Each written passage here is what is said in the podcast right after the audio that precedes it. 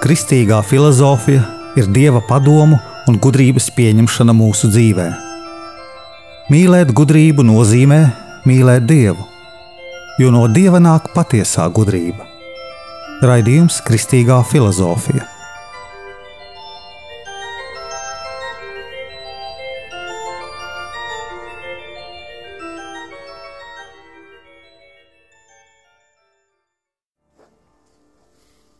Es esmu Jānis Valtra Vitsenheims, un ar jums ir 88. raidījums Kristīgajā filozofijā.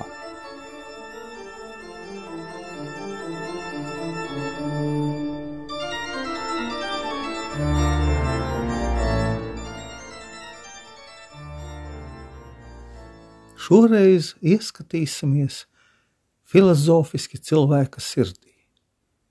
Vai pareizāk būtu teikt, cilvēka garīgumā. Daudz cilvēku nesaprot evaņģēliju. Saprot, ka Dievs ir ceļš, Dievs ir mīlestība. Cilvēks saprot nevis caur Dieva vārdu izpratni, bet caur savu personīgo humānismu izpratni. Tāpēc, ka viņš sevi saista ar sabiedrības humāniem pārdzīvojumiem. Cilvēks dzīves laikā vairākas reizes mēdz mainīt savu virzību.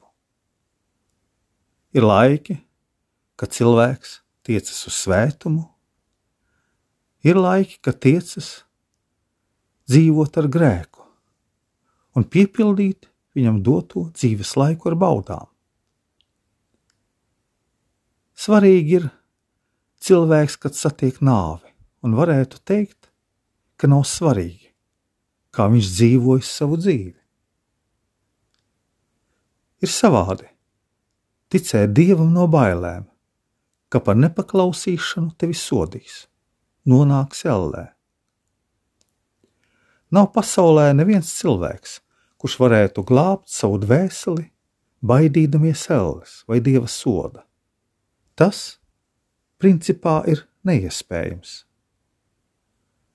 Cilvēkiem, kuri nav izpratuši baznīcas nozīmi, šķiet, ka nozīme ir visus baidīt ar elli. Patiesībā evaņģēlijas un baznīca ar to nenodarbojas. Cilvēkiem tā liekas. Vispār tas ir audzināšanas elements, kas varētu darboties noteiktā cilvēka attīstības etapā. Kā bērnu uztverē, kur būs slikta atzīme, tur būs problēmas mājās. Lielākā daļa cilvēku dzīvo godīgi, jo viņiem tā patīk. Viņi tā vēlas. Protams, ir daļa cilvēku, kas dzīvo godīgi, jo baidas par baušļu pārkāpumiem. To sodīs valsts.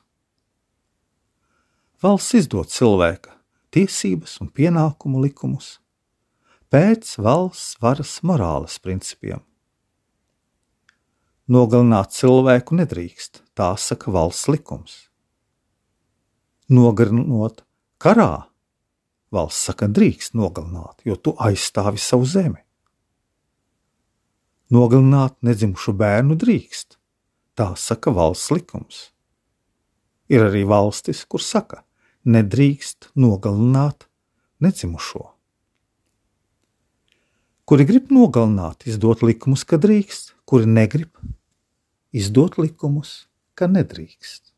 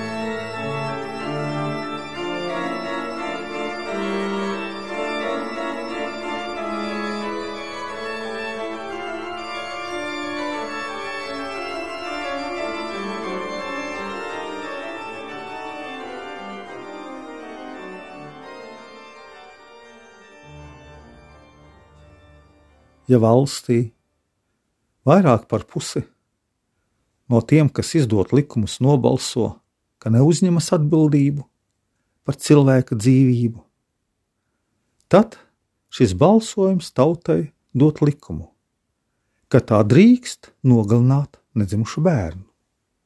Tas nav dieva likums. Bet tautas saka, tās ir manas cilvēka tiesības darīt, ko gribu. Šie cilvēki nevēlas uzņemties atbildību par savu rīcību, par savu rīcību radot bērnu. Kāda pati tauta tādus likumus veido arī valsts. Vairākums pārkāp likumus zinot, ka viņus par to sodīs, bet tomēr pārkāpj. Reizēm pat zinot, ka tiks notverti un sodīti. Tas ir tāpat kā labs cilvēks ir labs. Neskatoties uz to, viņš tiks vai netiks sodīts. Valsts izdot likumu, lai ļaunie tiktu tomēr apturēti un nebūtu visatļautība. Bet šis princips nav piemērojams mūžīgam sodam. Jūs droši vien visi esat redzējuši filmas, kad pirms nāves soda pakarot, dot iespēju pēdējo vēlēšanos cilvēkam pateikt. Tas ir domāts, ka varētu atnākt garīdznieks, lai dotu noziedzniekam iespēju nožēlot, atlaist grēkus, kā Kristus pie krusta slepkavam, kurš nožēloja un Viņam tika teikts, ka viņš būs debesu valstībā. Filmās pēdējā vēlēšanās parasti ir uzsmēķēt cigareti, nevis nožēlot, padarīt to ļaunumu. Tā mēs tiekam mācīti no filmām. Globālai ticībai katolis varētu sacīt, ka viņš tomēr izvēlētos grēksūdzi nevis cigareti vai glāzi vīna. Līdzībā par talantiem arī ir piemērs, ka trešais vīrs savu talantu nevis pavairoja, bet bīdamies kunga noslēpa. Un rezultātā kungs viņu ielika tumsībā. Mēs zinām, ka bailes nav no dieva. Dievs nav bailes. Ādams ar ievu nobijās no dieva, kad sagrēkoja. Grēks mūsu apziņā rada mūsos bailes.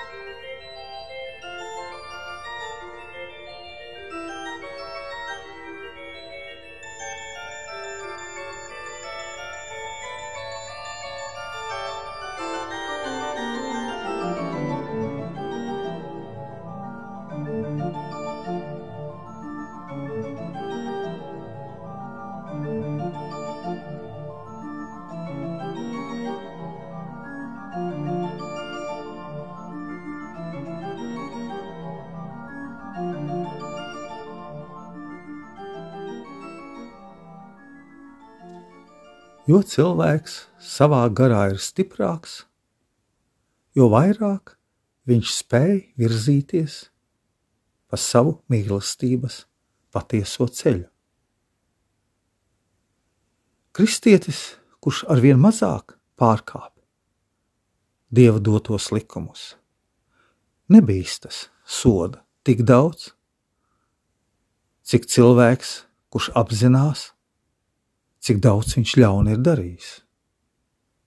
Tas līdzīgi kā šoferis. Pārkāpjot satiksmes noteikumus, bīstās, ka varbūt kaut kur viņš ir piefiksēts. Viens no mīlestības ceļiem ir saprast, ka cilvēki ir dažādi, un viņi pirmkārt ir jāsaprot, nevis jānosoda. Jo katram cilvēkam ir savs individuālas domāšanas un pestīšanas ceļš. Mēs ne tikai dzīves laikā vairāk kārt mainām savu virzību un attieksmi pret radītāju, mēs pat dienas laikā vairāk kārt spējam savās domās sagrēkot un tā tad nomirt. Svētie arī grēkoja, bet viņi joprojām virzījās uz Dieva patieso mīlestību. Mūsu aiziešanas mirklis no šīs pasaules ir summa mūsu gara dziļāko un pilnīgāko vēlmju apkopojums. Pēdējā dzīves mirkļa solis, kurš ieved tumsā vai gaismā, ir tas, cik mēs ilgi dzīvē esam gājuši un sapratuši radītāja mīlestības patiesību. Ja cilvēks cenšas sakoncentrēties uz lūgšanu, viņš ir uz pareizā ceļa. Tā ir saruna ar radītāju. Prāts nedrīkst būt izklaidīgs. Ja mēs to darām patiesi, mēs sapratīsim, ka tā nav īsta lūkšana, jo bieži vien lūkšanā mēs vairāk domājam nevis par to, kā mēs sarunājamies ar radītāju, bet par to, lai mūsu domām neietu klāt tās domas, kas mūs atrauj no šīs sarunas, kas mums neļauj lūgties. Mūsu ārējais cilvēks ir tas, kuram ir vajadzīga sabiedrība, dialogi, sarunas, draugi, ar kuriem runājot, mēs varam attīstīties. Mūsu iekšējais cilvēks ir tas, kas mūs ētiski virza uz radītāju. Kā Pāvils ir sacījis, ka mums jātīsta iekšējais, garīgais cilvēks, mūsu iekšējais garīgums, lai mēs pareizi spētu redzēt pasaulē notiekošo.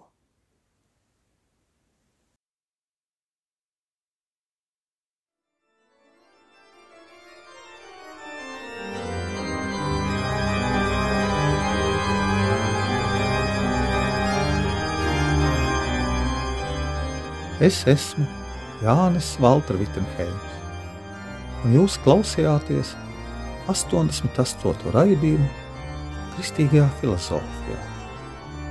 Vai bailes mūs ved pie Dieva?